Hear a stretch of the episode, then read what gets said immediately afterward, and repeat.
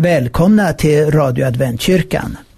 Vi har fått en del frågor som kommit till vår studio och som jag ska försöka besvara. Du lyssnar just nu på vårt program Bibelfrågan och jag som sitter vid mikrofonen är Hans Gille. Anne-Maj Sandström ser till att allt kommer fram till din radioapparat precis så det ska vara.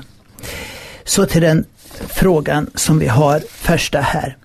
Ibland händer det att vi får telefonsamtal med tack för våra program. Allmänt eller för ett särskilt program. Nu kom det dessutom ett vykort med vackra blommor där det stod Tack för det du talade och så datumet. Liknande bör talas ofta. Hör ofta era sändningar i närradion. Men, och här kommer frågan. Det enda som förvånar är att ni ej har sabbaten på sjunde veckodag. Ja, en fråga kan ju kräva ett svar och det vill vi ju gärna göra i det här programmet så gott vi kan. Orsaken till frågan den måste ju vara den att vi i adventkyrkan har behållit den första kristna församlingens sabbatsfirande och med det också har våra gudstjänster på lördagarna. Adventkyrkan i Göteborg, den är anknuten till den globala adventrörelsen och den heter ju Sjundedagsadventistsamfundet. Och så även här i Sverige. Som medlemmar kallas vi också för sjundedagsadventister. Så det här med sjunde dagen som sabbat, ja det återkommer verkligen. Men när vi tittar i en kalender så finner vi ju att veckan slutar med söndag och måndag är den första dagen i veckan. Jag håller med om att det låter lite förvirrande. Men allt har sin historia och en förklaring. För det första så är det rent bibliskt helt klart att sabbaten just kallas för den sjunde dagen. Ta bara tio Guds bud så som du läser dem ursprungligt i Andra Mosebok 20, då Mose får dem på de två stentavlorna där uppe på berget Sinai. Vilodagsbudet, sabbatsbudet, det fjärde budet i ordningen, har följande början från vers 8 framåt. Tänk på att hålla sabbatsdagen helig. Sex dagar ska du arbeta och sköta alla dina sysslor. Men den sjunde dagen är Herrens, din Guds, sabbat.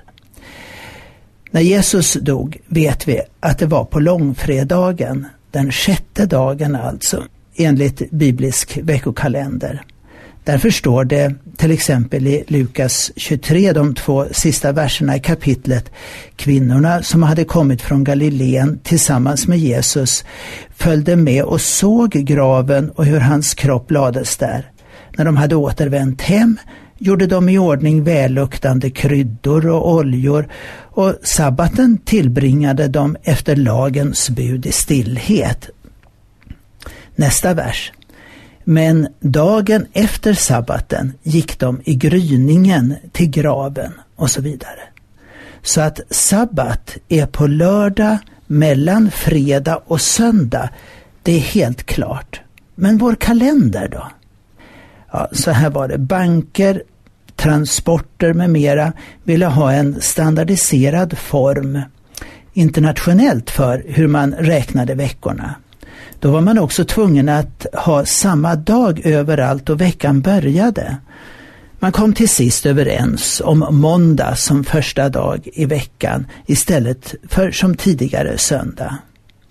1973 så blev första året med den nya veckoräkningen med måndagen först. Men vi vet ju fortfarande när fredag och söndag och måndag är så när sabbaten kommer in är inget större problem. Men jag håller med om att det blir lite förvirrande när samhället idag och Bibeln har olika sätt att räkna veckans dagar på. Inflikas kan att det fortfarande dock finns länder som inte har gjort den här reformen och därför bibehållit den bibliska numreringen av veckans dagar. Så ska vi behålla den bibliska benämningen den sjunde dagen. Det finns ju redan där och det kan vi ju knappast ändra på.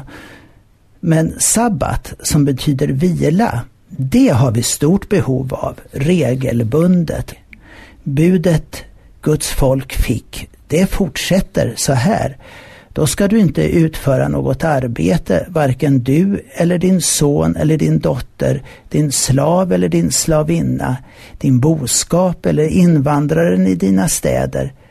Så Gud har gett oss en arbetstidslag som skulle gälla alla. Sabbaten var en frizon då alla var helt lika. Så var det tänkt. Långt senare i den kristna församlingen skulle det inte vara någon skillnad på slav eller fri, man eller kvinna, nationalitet med mera, utan här kunde slaven i församlingen vara profet, lärare, ledare och så vidare. Sabbaten var en frizon då alla var helt lika. Så var det tänkt. Och långt senare, i den kristna församlingen, skulle det inte vara någon skillnad på slav eller fri, man eller kvinna, nationalitet med mera. Utan här kunde slaven i församlingen vara profet, lärare, ledare och så vidare. Sabbaten är verkligen en frizon. Ty på sex dagar gjorde Herren himlen och jorden och havet och allt vad de rymmer. Men på den sjunde dagen vilade han. Därför har Herren välsignat sabbatsdagen och gjort den till en helig dag. Så låter slutet på det fjärde budet så som det står i vår bibel. Du kan också välja att ta emot den välsignelsen. Vi har en annan fråga som vi har fått här och den lyder så här. Gamla platser som omnämns i Bibeln har ofta grävts fram. Men har man funnit Babels torn? Ja, vad jag vet så är inget säkert om var Bibelns Babels torn låg.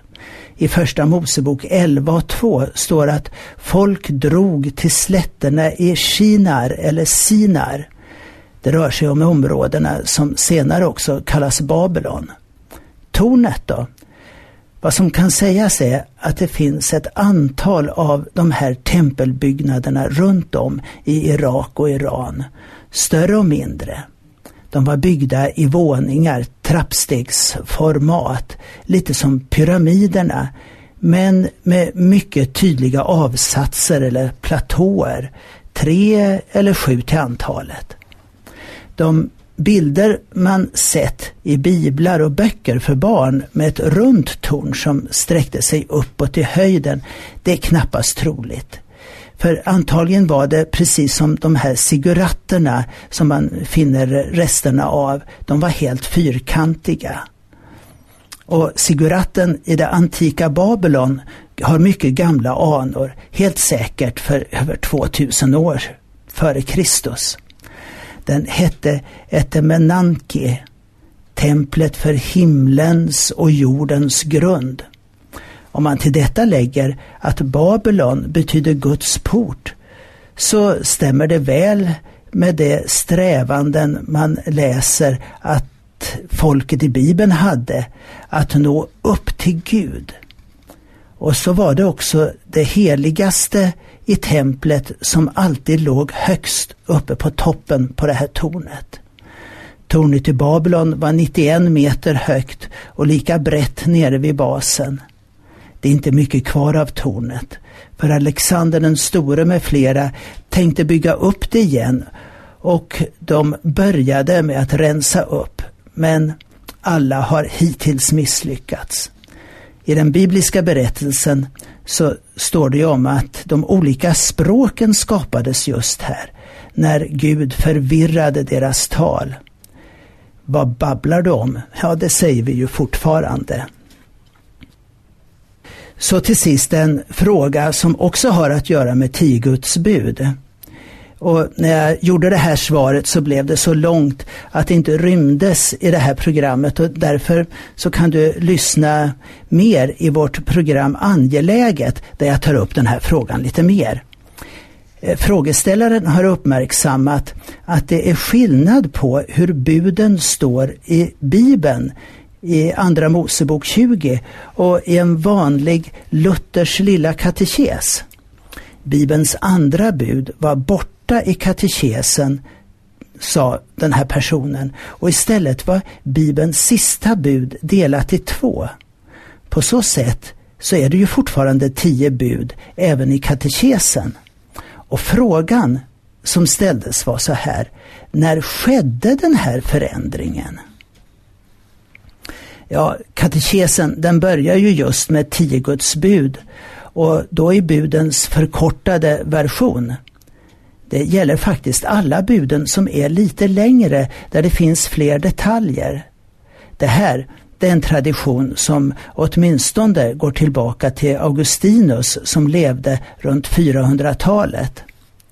Om förkortningen funnits tidigare, det vet jag inte. Men när jag läste lite i den katolska katekesen så går man tillbaka till just Augustinus och hade det funnits tidigare exempel så hade det säkert tagits med. Men eh, jag såg att eh, Tolderlund Hansen i sin bok Gamla testamentet i historisk och evangelisk belysning från 1960-talet säger något om just det andra budet. För det var ju det det var frågan om. Bildförbudet står i Moseböckerna tydligt som andra budet och budet om att inte ha begärelse uppfattas som ett så räknade också de flesta av kyrkofäderna och efter dem den ortodoxa och reformerta kyrkan.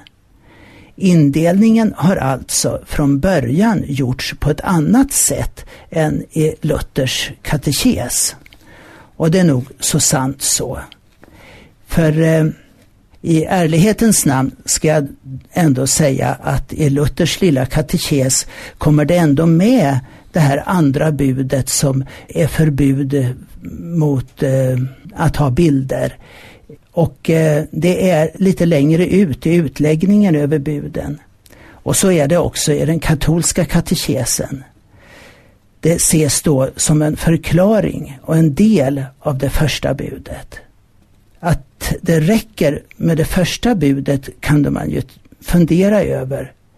Det står ju, du ska inte ha andra gudar vid sidan om mig. Och det kan man kanske säga att det stämmer delvis.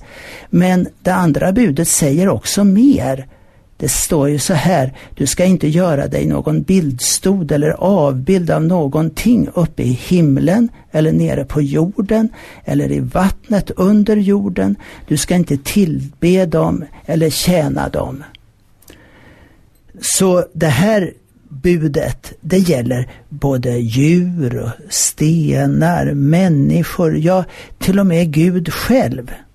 Ni vet, ingen kan se Gud. Och han vill tydligen inte att vi ska göra några påhittade bilder på honom. Ja, nu hinner vi inte mer den här gången. Men i programmet Angeläget tar vi upp frågan igen och lite mer utförligt. Och ja, jag heter Hans Gille och det du lyssnar på är Radio Adventkyrkan. Och vill du ringa hit och ge oss ännu någon mer fråga så ring 031 711 11 99.